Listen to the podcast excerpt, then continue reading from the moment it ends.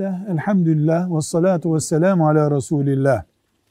İstihare namazı için özel bir sure var mı sorusuna diyoruz ki istihare namazı mesela sabah namazının sünneti gibi iki rekat kılınan herhangi bir namaza benzer.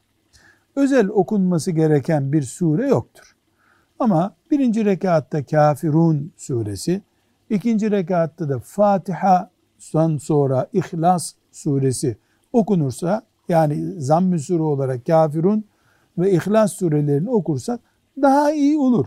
Ama özel filan sure diye bir kayıt yoktur. Velhamdülillahi Rabbil Alemin.